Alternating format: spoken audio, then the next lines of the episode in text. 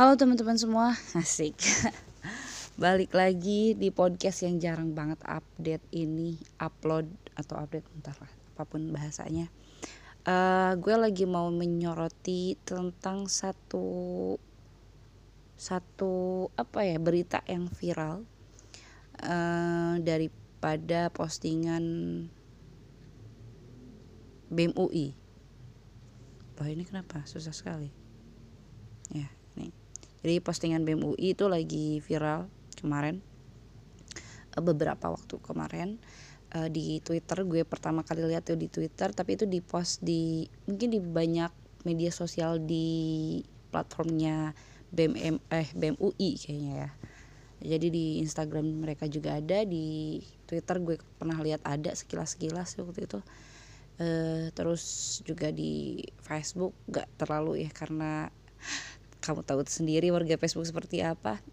Dan ya dan beberapa kali ini dibahas ya karena memang sangat viral ya bukan beberapa kali banyak sekali yang membahas uh, akhirnya timbul uh, diskursus ya. Kata Leon kan untuk menimbulkan diskursus ini gitu si si apa namanya si gambar atau si uh, pernyataan tersebut lah gitu.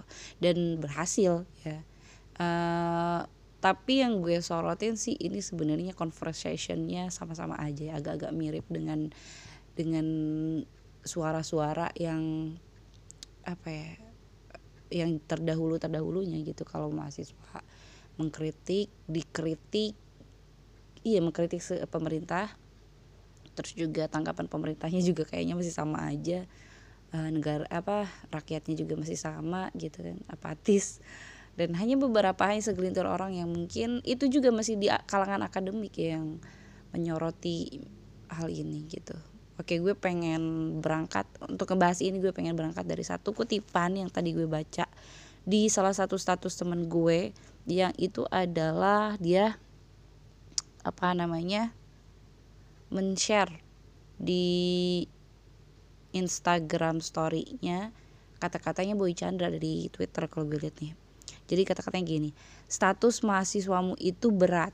Diam dinilai apatis, bersuara dibilang sok kritis, disuruh belajar aja, kuliah yang benar. Lebih berat lagi kalau mau kritis, lawannya bukan hanya pemerintah, negara, tapi ada dosenmu juga. Udah uang kuliah mahal, kebebasan berpikirmu juga dibegal, sial katanya. That's cool dan itu cukup cukup bener dan gue cukup setuju, sangat setuju, lumayan lah. Enggak sangat-sangat banget sih tapi iya setuju karena ada relate-nya gitu. Kita uh, apalagi mahasiswa mahasiswa yang misalkan uh, awal-awal pertama atau iya ya tahun-tahun pertama mengikuti organisasi kan mereka excitednya berapi-api on fire banget gitu. Kalau gue sih udah ada di di di fase apa ya mungkin karena ini adalah kuliah kedua gue jadinya eh, gue udah nggak terlalu yang kayak gimana gimana gue udah nggak se on fire itu loh gitu ya maksudnya kayak masa gue udah kayak udah lewat walaupun gue masih muda apa gue udah mulai apatis atau emang gue dasarnya apatis apa gimana gue nggak tahu. Tapi intinya hmm, kita bedah dulu. Kalimat-kalimat. Status mahasiswa itu berat. Status mahasiswa itu berat. Gue setuju sih. Tapi lebih setujunya kepada karena lo me, me apa menanggung beban uh, lo tuh dari akademisi gitu. Jadi pemikiran lo tuh, tuh dituntut untuk sistematis terukur harus berdasarkan riset dan lain sebagainya. Gue setuju bahwa status mahasiswa itu berat gitu. Jadi harusnya kita bicara cara kita bicara cara kita berpikir tuh udah udah jauh lebih efisien terus apa uh, efektif juga terus uh, canggih inovatif dan lain sebagainya. Kayak gitu gitulah tapi kan ya pada kenyataannya ya uh, kan kita tahu sendiri kualitas sarjana kita seperti apa gitu. Tapi serius beneran uh, status mahasiswa itu berat gitu. Terus diam dinilai apatis bersuara dibilang sok kritis. Ya kita kita uh, ya kayaknya ya kayaknya emang iya, iya sih iya, iya emang, emang.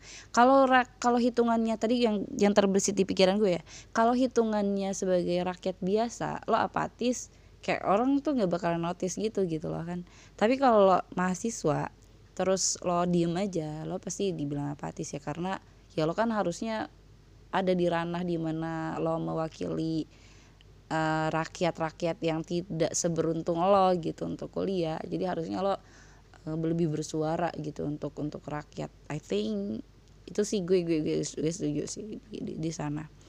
Terus uh, bersuara dibilang soal kritis ya. Ya beberapa orang yang tidak asik tar, termasuk gue ya gue tuh ngelihat bem salah satu yang apa sih lo? gitu. Gue termasuk kayak kayak gitu ya. Karena gak tau ya gue udah ada di posisi yang apa sih apa sih? gitu. Udah ada dari posisi kayak gitu. Tapi kalau dipikir-pikir juga gue tuh unless judging ya uh, by the way karena gue tuh selalu menemukan alasan kenapa orang tuh bersikap kayak gitu gitu. Karena gue juga pikir-pikir uh, dengan adanya orang yang kayak gitu walaupun gue gak suka misalkan walaupun gue gak, uh, gak setuju ya uh, dunia itu jadi seimbang loh paham gak sih? Kalau semua orang apatis kayak gue siapa yang mau mau mengkritisi dan lain sebagainya? Bukan berarti apatis itu tidak kritis ya tapi uh, gue sih kalau gue sendiri mager aja gitu untuk untuk banyak berurusan dengan urusan orang lain gitu kalau gue. Walaupun ya itu si apatis sih bener. Ya bersuara dibilang sok kritis ya kadang-kadang ini ada di gue yang bilang ehm, apaan sih lo? gitu. Tapi ya emang gue juga kalau semua orang kayak gue gue juga gak setuju. Karena gue masih pengen jadi diri gue dan tolong harus ada orang yang menyalurkan ketidaksetujuan ketidaksetujuan kita gitu ya karena kadang-kadang kan kita bukan cuman bukan karena apatis tapi kita males aja gitu males aja untuk berurusan. Karena kita tahu perjuangan itu panjang banget gitu kan. Ada inilah ada itulah. Nggak cuma stop di kampanye doang kan seterusnya harus ada realisasi dan sebagainya. Dan untuk ke untuk ke ranah terwujud gitu akhirnya jadi sebuah kenyataan di masyarakat kita di negara kita itu kan panjang banget gitu kan prosesnya perjalanannya. Dan dan untuk orang-orang apati seperti gue aduh capek gitu. Capek gitu kan. Terus disuruh belajar aja kuliah yang benar. Jadi emang ini tuh biasanya kata-kata ini tuh ada dari um, apa orang tua orang tua kita yang mungkin khawatir dengan dengan apa dengan uh, uangnya dengan anaknya. Tapi yang lebih relate kayaknya dengan uangnya sih. Karena ya gue apalagi kan maksudnya rata-rata kan orang-orang yang apa namanya yang aktif di organisasi uh, di kampus-kampus besar seperti UI itu kan ya mereka dibiayai oleh orang tuanya begitu kan. Orang tuanya kan pasti ya lu udah dibiayain lu nikah lagi pada akhirnya lo harus ngedekam di penjara misalkan atau lo pada akhirnya kan banyak banget kasus yang juga mahasiswa dipukul itu meninggal itu kan kayak aduh gitu kan. Intinya ya sayang anaknya dan sayang orang tuanya juga sayang waktunya dan sayang uang. Terus kuliah yang benar gitu kan. Lebih berat lagi kalau mau kritis. Lawannya bukan cuma negara pemerintah tapi juga dosenmu. Ya benar banget. Dan dosen itu yang paling berpengaruh. Kalau pemerintah dan negara mungkin kita nggak terlalu alah jauh banget gitu. Maksudnya kayak ya dia bisa menjangkau kita tapi ya kayaknya terlalu jauh juga. Kadang-kadang kan pendapat kita juga nggak nyampe ke sana gitu ke pemerintah. Ya kita cuma berkor-kor di sini. Ada satu doang satu dua hal aja yang yang yang akhirnya terblow up akhirnya viral gitu. Uh, ya itu kan juga dengan faktor-faktor yang lain. Misalkan kayak tadi BEM UI ya karena UI itu terkenal dan uh, orang-orang yang menduduki BEM UI apalagi itu kan pasti wah keren banget itu kan itu pasti dinotis gitu dengan dengan dinotisnya sama banyak orang gitu. Karena ketenaran UI-nya itu sendiri gitu. Tapi kan kebanyakan tidak tidak seperti itu. Tidak apa ya itu cuman ada di tongkrongan kita gitu. Obrolan itu cuman ada di tongkrongan kita ya sebatas internal kita aja di kelompok-kelompok terkecil gitu. Yang kadang malah itu gak nyampe ke bem paham gak maksud gue? Ini kayak gitu. Jadi uh, kita kalau kalau ngomongin takutan mana pemerintah atau uh, pemerintah slash negara gitu atau dosen kita jelas, yang lebih relate gitu uh, yang lebih relate gitu kan dan lebih deket ya pasti dosen karena itu ngaruh ke nilai kita ngaruh ke gimana nantinya kita lulus atau tidak gitu dipersulit atau tidak nanti nilai kita juga di sana dan udah mani ada kata kelanjutnya udah uang kuliah mahal kebebasan berpikirmu juga dibegal jadi uh, apa namanya udah kita harus bayar mahal pula gitu untuk bayar dosen. Tapi dosennya ber, karena kitanya misalkan uh, berpendapat dosennya tidak tidak cukup uh, untuk apa ya namanya tidak cukup terbuka atau mungkin dia merasa khawatir dengan dengan pendapat-pendapat kita ya akhirnya ya dua-dua hal itu di, dirampas dari kita gitu. Uang kita dan juga kebebasan berpikir itu sih menurut gue. Terus selanjutnya uh, ngomongin tentang kritikan gitu atau ber, kebebasan berpendapat atau berpendapat atau beropini atau apa pun itu namanya uh, di kita memang tidak cukup demokratis. Memang memang gitu. Tapi ini lebih better lah daripada uh, katakanlah tahun 98 tahun uh, apalagi lebih tua dari itu ya intinya kalau sekarang jauh lebih bagus lah jauh lebih bebas daripada uh, yang dulu-dulu gitu. Tapi tetap belum memenuhi standar kebebasannya yang paripurna secara demokrasi. Kan kita negaranya demokrasi gitu ya. Harusnya lah kita udah let it flow gitu loh. Maksudnya ya udah udah udah biasa dengan segala macam kritikan. Tapi uh, hal itu tuh belum terbentuk gitu bahkan di elit-elit pemerintahan yang apa namanya yang kita bisa lihat sendiri orang-orang yang apa namanya pejabat-pejabat pemerintah yang kita kritik itu selalu men apa ya apa sih istilahnya merespon itu dengan dengan respon yang negatif gitu yang konotasinya tidak baik gitulah. Yang seolah-olah apa sih loh gitu ngeritik mulu gitu dan lain sebagainya. Atau gimana pun ekspresinya tapi intinya konotasinya tidak baik gitu tidak setuju atau tidak. Kayak uh, gue nggak setuju dengan ketidaksetujuan lo kayak gitu lah intinya. Dan memang masih sangat jadi problem apalagi sekarang kan ada UU ITE yang makin hari kayaknya makin digaungkan terus-terusan walaupun nggak secara secara apa ya secara oh ini akan ada UU ITE atau kayak gitu dan lain sebagainya mungkin tidak secara itu tapi ya perlahanan tetap ada gitu. Bahkan jauh lebih gencar daripada uh, rancangan undang-undang yang lain kayak seksual harassment atau yang lebih genting gitu.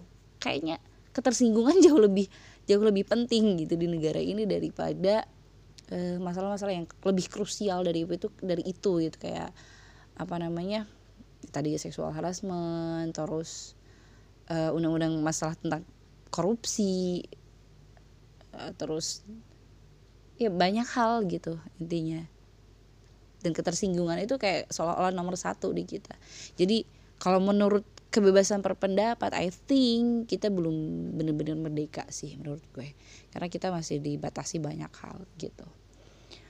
Ya banyak lah. Contoh kasusnya kan rekam jejaknya panjang sekali gitu kan untuk untuk kasus UIT ini dan korbannya banyak banget gitu. Jadi itu akan menunjukkan ketidakdewasaan kita dalam menyikapi uh, apa namanya perbedaan pendapat gitu.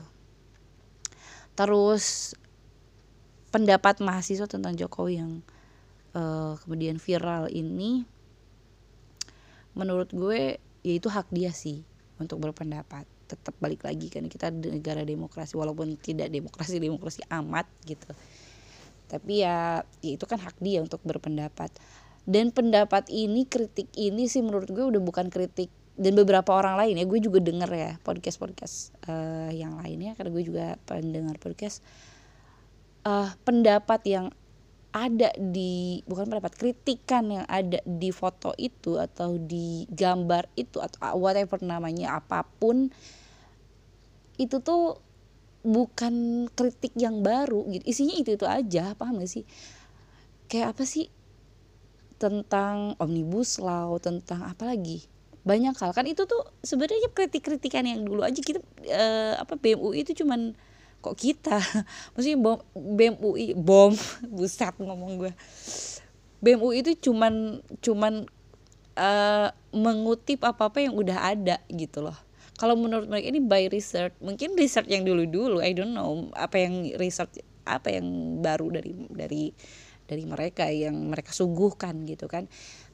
Tapi intinya ini kan yang lama gitu diungkit-ungkit lagi gitu aja. Intinya kayak gitu kayak cewek kalau marah gitu ke cowoknya karena pernah salah cowoknya terus uh, dulu pernah salah lagi sih kan diungkit-ungkit juga. Padahal nggak ada nggak ada hubungannya misalkan karena sekarang kan lagi covid terus uh, malah kisru dengan pendapat yang yang udah. Jadi kayak dia mereka mereka cuma me, membawa isu yang dulu ke masa kini. Ya itu mungkin cuman ya balik lagi kan uh, klaimnya BMU itu kan untuk mengingatkan.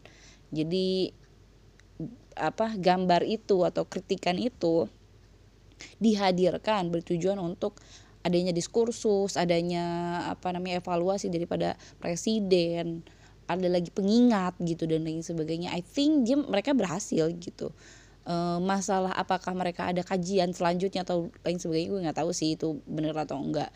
Tapi I I think kayaknya nggak ada pendapat yang baru sih atau kritikan yang baru dari dari BEM UI untuk untuk presiden atau pemerintah mungkin kayak gitu sih.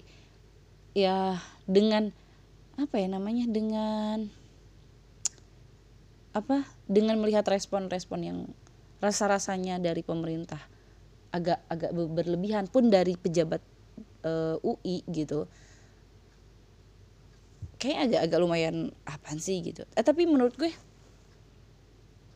apa ya namanya kan uh, gue dengarnya uh, sekilas-sekilas ya apa mereka di dipanggil terus di hack Instagramnya.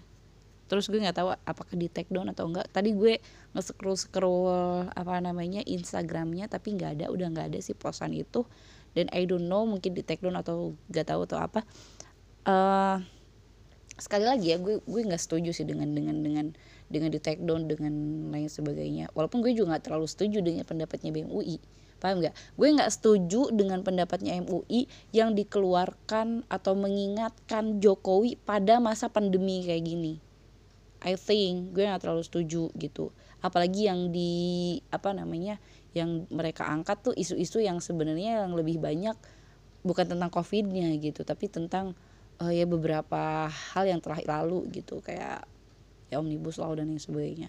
Uh, kayaknya nggak tepat aja gitu kalau harus di di blow up sekarang karena takutnya jadi kita konsentrasinya lagi ke covid lo mengalihkan konsentrasi kita ke masalah yang udah-udah gitu loh paham nggak? Nah, gue nggak terlalu setuju mungkin karena di timingnya aja sih ya kalau pada akhirnya misalkan uh, apa namanya covid udah berlalu terus dia mau mau ngepost itu ya gue gue setuju aja tapi kalau sekarang kayaknya kita lagi fokus ke angka covid yang terus menaik uh, apa namanya menanjak naik gitu kan. Lo post itu gue nggak terlalu setuju sih karena uh, apa ya orang-orang tuh jadi fokusnya ke sana gitu. Kan maksud gue? Tapi gue juga nggak agak terlalu setuju nggak terlalu setuju gitu sama pemerintah yang atau pejabat UI yang apa ya namanya memanggil memanggil nggak apa-apa sih kalau dipanggil doang mah cuman kalau ada hukuman nih misalkan atau harus di take down aja si posan itu gue nggak terlalu setuju sih. Karena ya itu kan pendapat orang ya nggak apa-apa gitu. Kalau kalau lo nggak nggak setuju dengan satu narasi lo harus apa namanya harus lawan itu dengan narasi yang lain gitu. Paham nggak? Anak dan ini yang harus dibedakan ketika lo mengkritik seseorang atau siapa pun lo tuh harus membedakan pekerjaan dengan pribadinya dia. Kinerja dia dengan pribadinya dia. Jadi kalau lo tuh nggak suka dengan cara kerjanya lo ke cara apa namanya iya cara kerjanya seseorang menurut lo itu tidak efisien menurut lo itu kelamaan menurut lo itu cuma ngomong doang ya lo serang serang apa namanya kinerjanya gitu. Serang cara dia ber uh, menjalankan tugasnya itu bukan lo menyerang pribadinya dia gitu. Karena itu dua ranah yang berbeda. Dan pada akhirnya lo jadi kalau lo lo ini ya kalau lo menyerang tadinya lo nggak setuju dengan pendapatnya dia akhirnya lo jadi nyerangnya ke pribadinya dia. I think itu bukan lagi mengkritik itu lebih menghina gitu. Dan lo harus bisa ngebedain antara itu. Menurut gue sih kayak gitu. Jadi kalau gue sih nggak nggak apa ya namanya cukup bisa gitu membedakan ini dengan uh, let's say uh, Pak Jokowi misalkan. Uh, gue gue apa namanya gue nggak terlalu setuju dengan cara kinerja dia yang banyak leletnya dan juga otoriter dan terlalu ah, ini dan itu gitu kan. Tapi gue nggak setuju ketika orang mengata-ngatai dia masalah Cina nya lah masalah apa namanya kurus keringnya pelangap pelongo dan lain sebagainya. Itu kan di luar konteks daripada ketidaksetujuan kita. Kenapa kita harus meng mengganggu ranah yang bukan itu? Kita tidak setuju. Masalah fisik masalah keturunan masalah pribadinya dia masalah personalnya dia itu tuh bukan ranah kita untuk untuk apa ya? Untuk berpendapat gitu. Itu kan ya pemberian dari Tuhan. Mana bisa dia juga nggak bisa ngerubah ya kan? Apalagi kita gitu. Maksud gue ya secara pribadi nggak perlu lah kita serang-serang. Ya lo mau kalau mau kritik kritik kinerjanya dia cara dia uh, menjalankan tugas. Gitu aja sih menurut gue. Terus uh, masalah berpendapat tuh tadi gue kan udah bilang uh, ya berpendapat tuh ya harus lihat. Jadi jadi gini um, kita tuh bisa sebebas-bebasnya untuk berpendapat uh, apa namanya untuk mengeluarkan segala unek-unek kita. Tapi tadi gue bilang uh, harus bisa membedakan apa sih yang tidak kita setuju. Kita tanya dulu nih sebelum kita mengkritik mengeluarkan kritik kita kita tuh tanya sama diri kita apa sih yang sebenarnya kita tidak setujui gitu? Apakah sikapnya apakah pribadinya apakah cara kerjanya apakah kebijakan-kebijakannya? Jadi harus menentukan apa nih yang kita tidak suka dari dia bukan totok uh, ya gue gak suka aja sama dia. Itu kan berarti lo keseluruhan ya kan? Manusia nggak ada yang benar-benar jahat banget gak ada yang benar-benar baik banget gitu. Mereka pasti ada sisi di kedua sisi itu pasti ada di manusia gitu. Ini juga manusia kan? Dan lo harus harus tahu itu harus harus paham itu gitu. Ketika lo mengeluarkan eh, kritik ketidak ketika lo tidak mengeluarkan ketidaksetujuan lo gitu dan itu harus jadi pertimbangan. Menurut gue sih kayak gitu. Dan bagaimana sih harusnya kita menanggapi pendapat? I think kalau lo mau berpendapat sebebas-bebasnya lo juga harus menerima pendapat orang lain dengan sebebas-bebasnya. Biarin orang lain berpendapat juga tentang kita. Misalkan tadi kayak BEM UI uh, berpendapat tentang uh, Jokowi yang the king of apa sih lip voice bukan? Kayak gitu terus uh, ada kan ada pro dan kontrak daripada daripada pernyataan itu kan. Dan BMUI harus harus fair dong harus fair. Oh uh, apa namanya ada yang melawan narasi kita ada yang tidak setuju dengan narasi kita. Ya ya itu kan haknya dia. Oke okay. mau gimana pun dia tidak setuju dengan pendapat kita lo harus terima. Karena lo juga udah mendapatkan uh, apa namanya kebebasan lo untuk berbicara kebebasan lo untuk berpendapat. Artinya juga lo harus um, memberikan kebebasan kepada orang lain untuk menanggapi pendapat lo gitu. Bagaimanapun pendapatnya. Menurut gue itu yang namanya demokrasi. Ketika lo memberi dengan bebas lo juga harus menerima dengan bebas. Paham nggak maksud gue? Misalkan kayak gini menurut gue kayak gini uh, ketika kita berpendapat gue nggak terlalu setuju dengan pendapat yang harus di di di apa namanya disampaikan dengan baik dan sopan dan santun. Menurut gue itu lo lo cuman kamu plus aja. Maksudnya ya lo cuman mau menerima hal-hal yang baik aja gitu. Ya it's okay untuk menerima hal-hal yang buruk mau segimanapun buruknya menurut gue bebas-bebas aja sih gitu.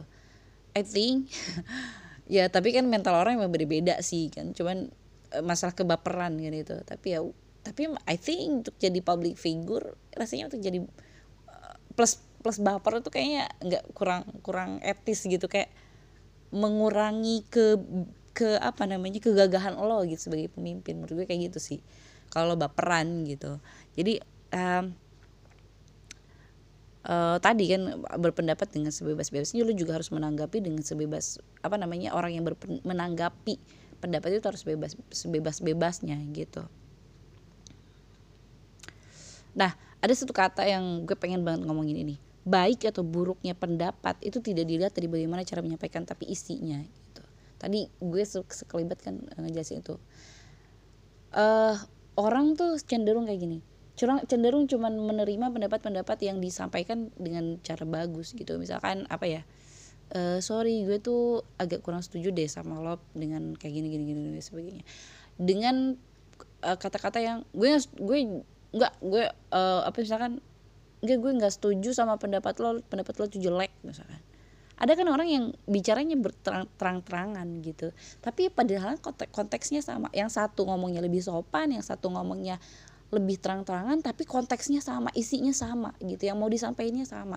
I think keduanya juga berhak untuk berpendapat ketika itu dilontarkan yang lo harus tangkap ketika pendapat atau kritik eh, datang ke lo yang lo harus tangkap pertama kali adalah isinya apa yang akan dia omongin ke lo gitu. Apa yang pengen dia kritisi apa yang ketidaksetujuan macam apa yang yang dia dia coba untuk sampaikan kepada kita. Dan lo hanya hanya perlu untuk menangkap itu gitu. Bukan bukan apa namanya menangkap hal-hal di luar dari konteksnya. Misalkan ya karena ada apa bahasa binatang atau lain sebagainya misalkan lo jadi tidak mau mendengarkan I think itu tetap aja kritik menurut gue. Lo tetap harus mendengarkan kalau lo mau maju tapi ya kalau lo gak mau maju ya udah. Intinya kayak gitu. Cara kita uh, untuk menanggapi pendapat itu ya harus dengan dengan langsung ambil isinya aja gitu. Ini isinya apa gitu biar lo tuh nggak nggak mudah baper menurut gue lo nggak mudah tersinggung. I think kayak gitu sih. Benar gak sih? Daripada lo harus iya apa namanya apa mengambil yang oh ada prolognya misalkan. Ada sopan santunnya caranya itu itu dan sebagainya. I think mungkin sebagian orang kebanyakan orang kebanyakan orang berpendapat memang attitude itu penting. Gue juga ngerasa attitude itu emang penting. Cara kita mengeluarkan pendapat kita memang penting. Karena tidak semua orang dia bisa terbuka gitu dengan dengan cara kita. Dengan berbagai cara yang di, di ditunjukkan ketika mengeluarkan pendapat. Kalau kata ada ya teman gue yang bilang kalau ngeluarin pendapat itu harus harus elegan dan sebagainya. Gue setuju tapi ada beberapa orang yang emang gak bisa gitu. Ya emang mulutnya kayak gitu aja gitu paham gak sih? Ada orang yang masa lo mau menerima pendapat-pendapat yang cuma baik doang sih kalau gitu kan? Benar gak sih? Menurut gue kritikan-kritikan yang baik doang kalau lo. Nggak mau menerima hal-hal yang pahit sekali tapi itu obat gitu lo paham gak? Ada satu tadi gue ngedengerin uh, uh, siapa? Omongannya si uh, Jovi Jovi Anda Lopez. Dia bilang gue tuh pertama kali ngupload video gitu video di YouTube itu dengan dengan dengan pesan gitu. Jadi dia tuh udah idealis dari awal pertama uh, ngerekam video gitu. Mengupload video. Jadi video pertamanya dia udah idealis udah dengan pesan gitu. Tapi si videonya itu tetap harus uh, ringan gitu dibawainnya. Tapi pesannya pengennya menyampe tapi ternyata orang Indonesia nggak cuma orang Indonesia tapi mungkin sebagian oknum lah intinya karena nggak semua orang Indonesia kayak gitu itu hanya melihat komedinya aja. Akhirnya makin lama makin lama orang-orang tuh berpikir kalau kita tuh komedian kata dia kayak gitu. Si Jopi itu di mereka apa sih si Jopi tuh ngomongin Andopi juga karena mereka berdua kan uh, apa namanya uh, YouTube-nya.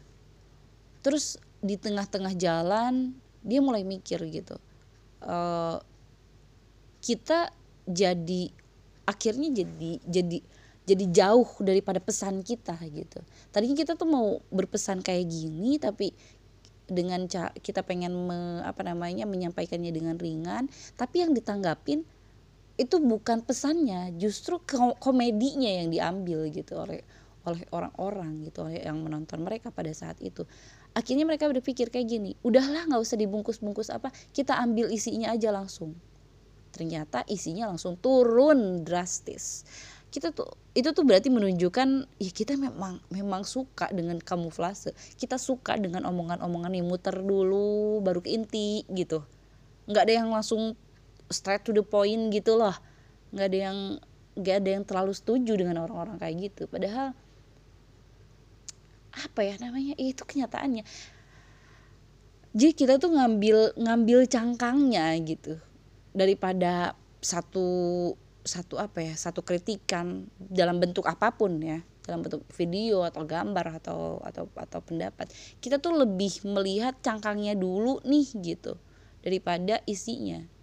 Itu kenapa banyak isi yang terbengkalai pada akhirnya. Pesan-pesan banyak yang tidak sampai ke kita gitu. Jadi menurut gue ketika lo men, me, menghindari kebaperan ya menghindari ketersinggungan ketika lo dikritik sejelek apa pun bahasanya setidak uh, apa namanya setidak rasional misalkan uh, sopan santunnya uh, lo tetap harus ngelihat itu langsung kepada isinya. Isinya apa nih? Kalau isinya baik lo kenapa? Apa salahnya kalau lo ambil ya kan? Gitu I think. So just itu dong terima kasih teman-teman